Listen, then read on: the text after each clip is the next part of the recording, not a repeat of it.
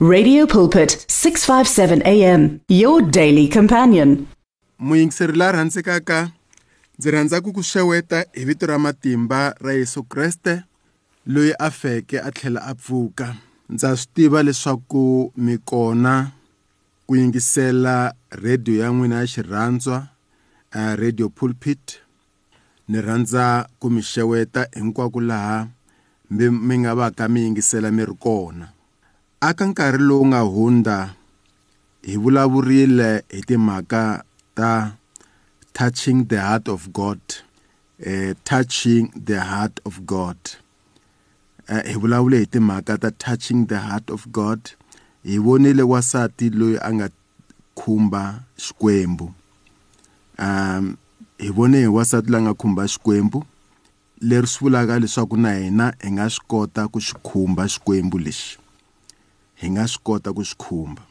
so we just want to thank god uh, that he is able he is good uh, xikwembu a xi hi pfune xi hi endla hi tintswalo um hi nga khumba xikwembu hi tindlela to hambanahambana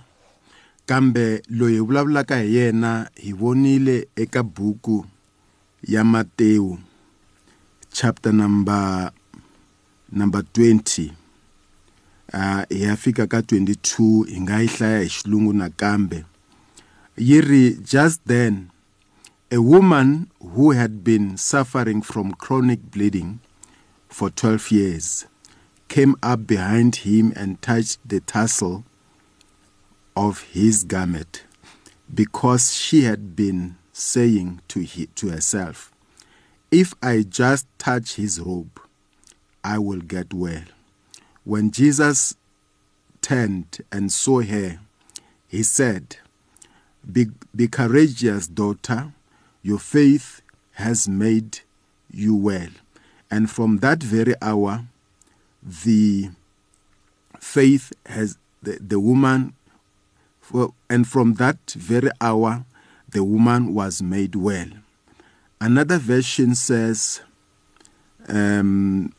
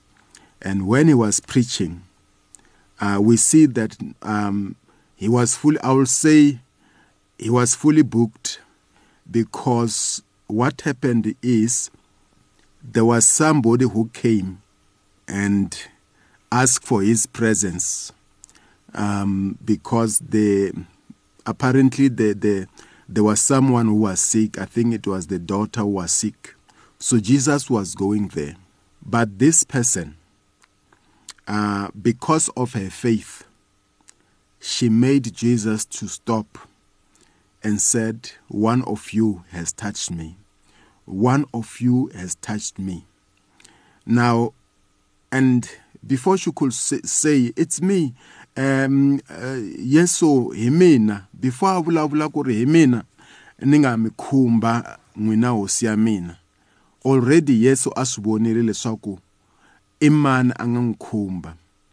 ivi a ku tiya wena wa nhwana tiya n'wana wa mina hikuva ripfumelo ra wena ri ku hanyisile so hi vulavurile aka nkarhi lowu nga hundza leswaku lexi xi nga khumba mbilu ya Yesu i ripfumelo ra wasati loyi ku horisiwa swi teka ndhaku ku horisiwa swi teka ndhaku um leswi swi nga endla leswaku mbilu ya xikwembu yi khumbiwa i timhaka ta ripfumelo so wasati loyi u khumbe Yesu hi ku pfumela ka yena mina na n'wina namuntlha ke hi nga khumba Yesu hi yini ke hi nga ku khumba hi ku pfumela hi nga n'wi khumba hi ku pfumela eka yena hi hlayile nkarhi lowu nga hundza leswaku aka vaheveru chapter number 11 loko hi hlaya hi ya hansi hi vone vanhu lava va nga khumba Yesu hi tindlela to hambanahambana hi vone hi vone Enoch loyi a nga a nga tshemba Xikwembu a khumba mbilu ya Xikwembu hi ku pfumela ka yena leswaku a nge fi a ende himpela u nyamalarile vanhu a va n'wi vonanga ku ri u helele kwini a va n'wi vonanga ku u helele kwini so u khumbe mbilu ya Xikwembu in that angle and Abraham u khumbe mbilu ya xikwembu hikuva xikwembu xi n'wi rhumile xi ku wena abrahamu suka aka rixaka ra wena suka aka vanhu va ka n'wina suka eka vanhu lava u va rhandzaka suka exikarhi ka maxaka ya wena suka exikarhi ka vanghana va wena u teka ndyangu wa wena mi ya eka tiko leri ndzi nga ta ku komba rona mi ya eka tiko leri mina xikwembu ni nga ta ku komba rona kutani abrahamu hi ntiyiso a suka a ya eka tiko leri xikwembu xi nga xi nga n'wi komba rona ende uh, because of this u khumbe mbilu ya xikwembu hi ku pfumela ku rhumiwa u khumbe mbilu abrahamu u khumbe mbilu ya xikwembu hi swilo swimbirhi u khumbe mbilu ya xikwembu hi ku pfumela ka yena a tlhe a khumba mbilu ya xikwembu hi ku hi ku pfumela ku rhumiwa loko Xikwembu xi n'wi rhuma u khumbe mbilu ya Xikwembu sana xana mina na wena namuntlha hi nga khumba mbilu ya Xikwembu njhani ke xana hi nga khumba mbilu ya Xikwembu ku fana na wasati loyi a yi khumbeke hikuva a pfumerile leswaku u ta horisiwa ke kumbe hi nga khumba mbilu ya Xikwembu ku fana na Abrahamu loyi a nga pfumela le a nga pfumela a nga va na ripfumelo ka Xikwembu ivi a tlhela a khumba mbilu ya Xikwembu hi ku pfumela ku rhumiwa ke kumbe mina na n'wina hi nga languta eka generation ya hina ivi hi languta leswaku xana hi nga khumba mbilu ya Xikwembu njhani kumbexani ndzi tshama ekusuhani na munhu loyi a pfumalaka kumbexani ni tshama na ka munhu loyi a nga hava kusuhani na munhu loyi a nga hava swakudya mina ni ri na swona kutani xana loko no tshambuta voko ra mina ndzi nikela ndzi nikela aka munhu loyi xana a hi kona koloko ku khumba mbilu ya xikwembu ke loko no tshambuluta voko ra mina ndzi vulavula na vanhu lava va ni daka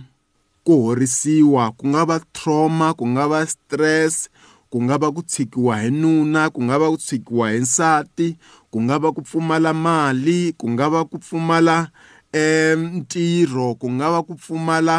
um ku ni da assistance ya swa swa swa tidyondzo xana loko no endla xan'wanchumu hi mhaka yaleyo ni ta va ni nga khumbi xikwembu na The answer is I will be touching the Lord. Ntavan kan khumba mbilu ya Xikwembu. And a hi tsundzukeni xana Xikwembu xi endle yini loko vanhu va khumba mbilu ya xona ke? Xana xi endle yini? Hi vona loyi a nga swi khumba a karhi a vabya wasati loyi a xi khumbeke a karhi a vabya a khumba mbilu ya xikwembu hi vona xi n'wi horisile naswona wanuna loyi a nga khumba xikwembu a ri hava nchumu kumbexana a nga ri n'wankumi hi vona xikwembu xi n'wi endle n'wankumi abrahamu xikwembu loko hi khumba mbilu ya xona xa reactor uh, the other thing laha ni vonaka ingaku this woman in the book of Matthew, chapter number 9, verse 20 to 22. Lexi xin'wana lexi vonaka leswaku u khumbe Xikwembu hi swona is the procedure that she took. It's an action that she took. Uh,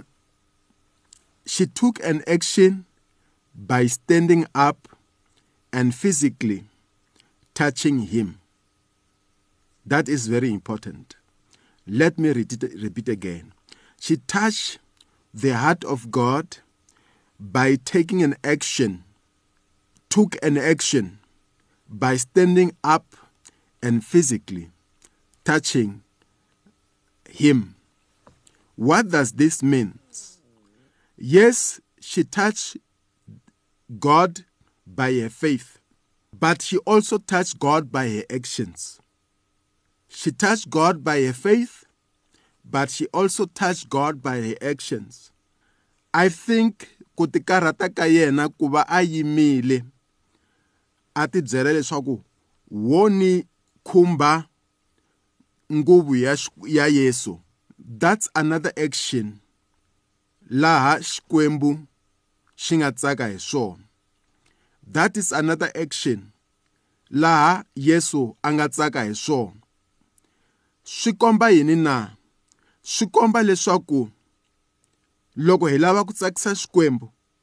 a hi xi tsakisi hi ripfumelo ntsena kambe hi xi tsakisa na hi ku yima hi gingirika when you are looking for a job you might have a faith loko u lava ntirho i na ripfumelo u na rona ra ku famba u lava ntirho ripfumelo u na rona ra leswaku mutirhi u ta ri kuma but you must take an action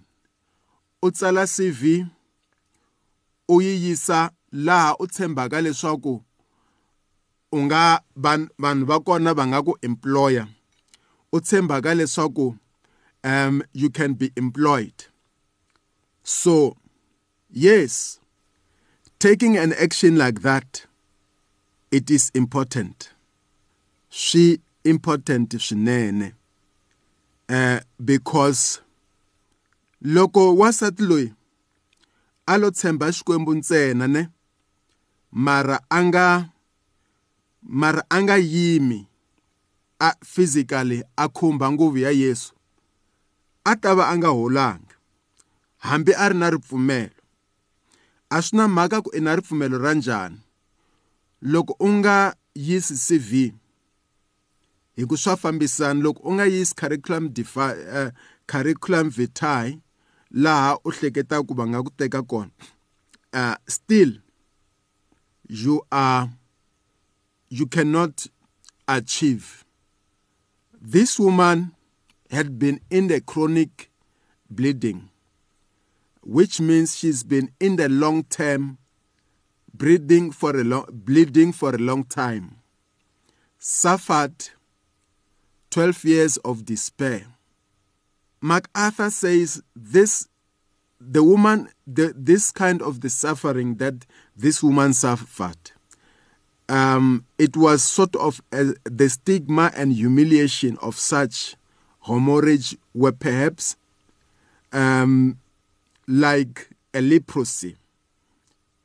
leswi vulaka leswaku vuvabyi lebyi